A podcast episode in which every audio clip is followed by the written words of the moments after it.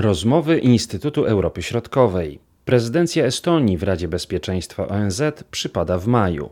Fakt ten ma bardzo duże znaczenie dla tego państwa. Z jednej strony wskazuje, że Estonia jest w stanie uczestniczyć w rozwiązywaniu światowych problemów, a z drugiej strony umożliwia zwrócenie uwagi światowej opinii publicznej na wyzwania stojące przed państwami regionu bałtyckiego.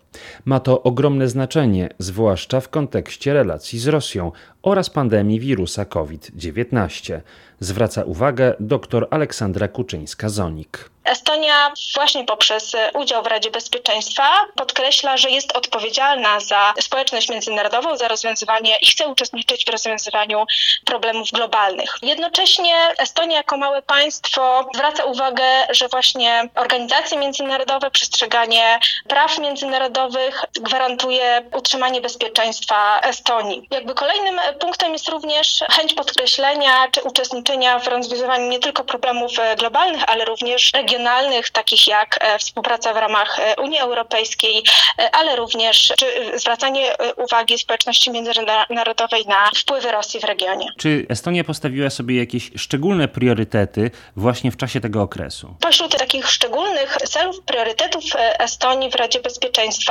to, tak jak już powiedziałam, przestrzeganie norm prawa międzynarodowego, suwerenności i równości państw, ze szczególnym uwzględnieniem sytuacji w regionie, ponieważ Estonia jest szczególnie zainteresowana utrzymaniem bezpieczeństwa i integralności terytorialnej Ukrainy i Gruzji.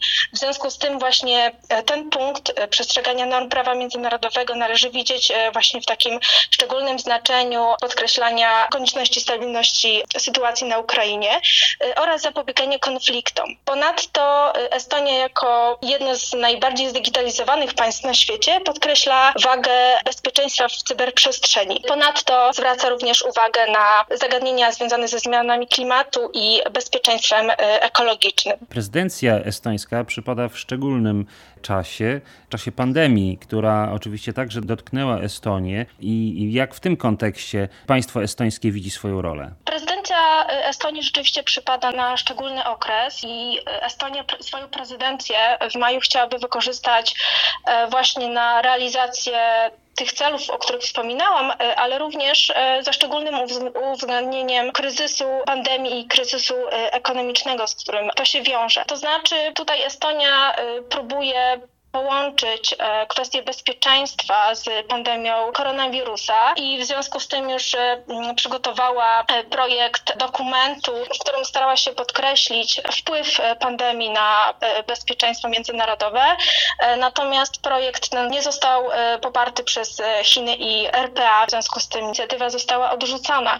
I to jest taki właśnie y, ciekawy przykład na to, że nie ma zgody nawet y, między państwami co do tak y, kluczowych kwestii jak, jak pandemia i przeciwdziałanie, globalne przeciwdziałanie poważnym problemom międzynarodowym. Ponadto mówiąc również o prezydencji Estonii i pandemii koronawirusa, również Estonia podkreśla wagę kontynuowania realizacji misji na rzecz bezpieczeństwa międzynarodowego, misji E, na rzecz praw człowieka, e, dostępu do pomocy humanitarnych, czyli takich kwestii, takich e, działań, które były do tej pory realizowane, a które mogą być utrudniane w związku z mm, szerzeniem się pandemii. Czyli działania kluczowe dla ONZ-u, natomiast Estonia stara się, stara się zwracać uwagę, że i podkreślać rolę tej instytucji mimo problemów związanych z pandemią.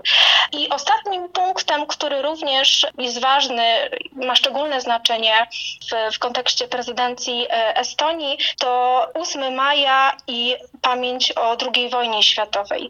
Tak jak powiedziałam, prezydencja Estonii przypada na maj, ponieważ e, też Estonię zamieszkuje znaczna liczba e, mniejszości rosyjskojęzycznej. Estonię dotyka problem rosyjskiej propagandy i polityki, konsekwencji polityki historycznej ze strony Rosji i tutaj też jest duża, duża rola Estonii w propagowaniu obiektywnych narracji na temat II wojny światowej. Estonia jest państwem małym i pełni taką funkcję teraz y, y, wybitnie prestiżową.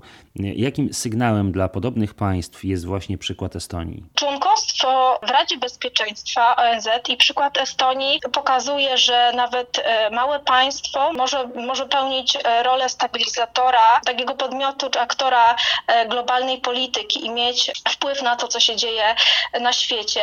I Estonia, tak jak powiedziałam, jest tego dobrym przykładem. Natomiast druga kwestia jest taka, że bycie członkiem Rady Bezpieczeństwa przynosi również korzyści dla całego regionu bałtyckiego, ponieważ Estonia nie tylko realizuje swoje e, interesy narodowe, na poziomie globalnym, ale również przenosi interesy i e, problemy regionalne na poziom e, międzynarodowy, więc jest to również korzyść dla całego regionu. A o tym, jak Estonia poradziła sobie podczas prezydencji w Radzie Bezpieczeństwa ONZ, będziemy mówili za kilka tygodni.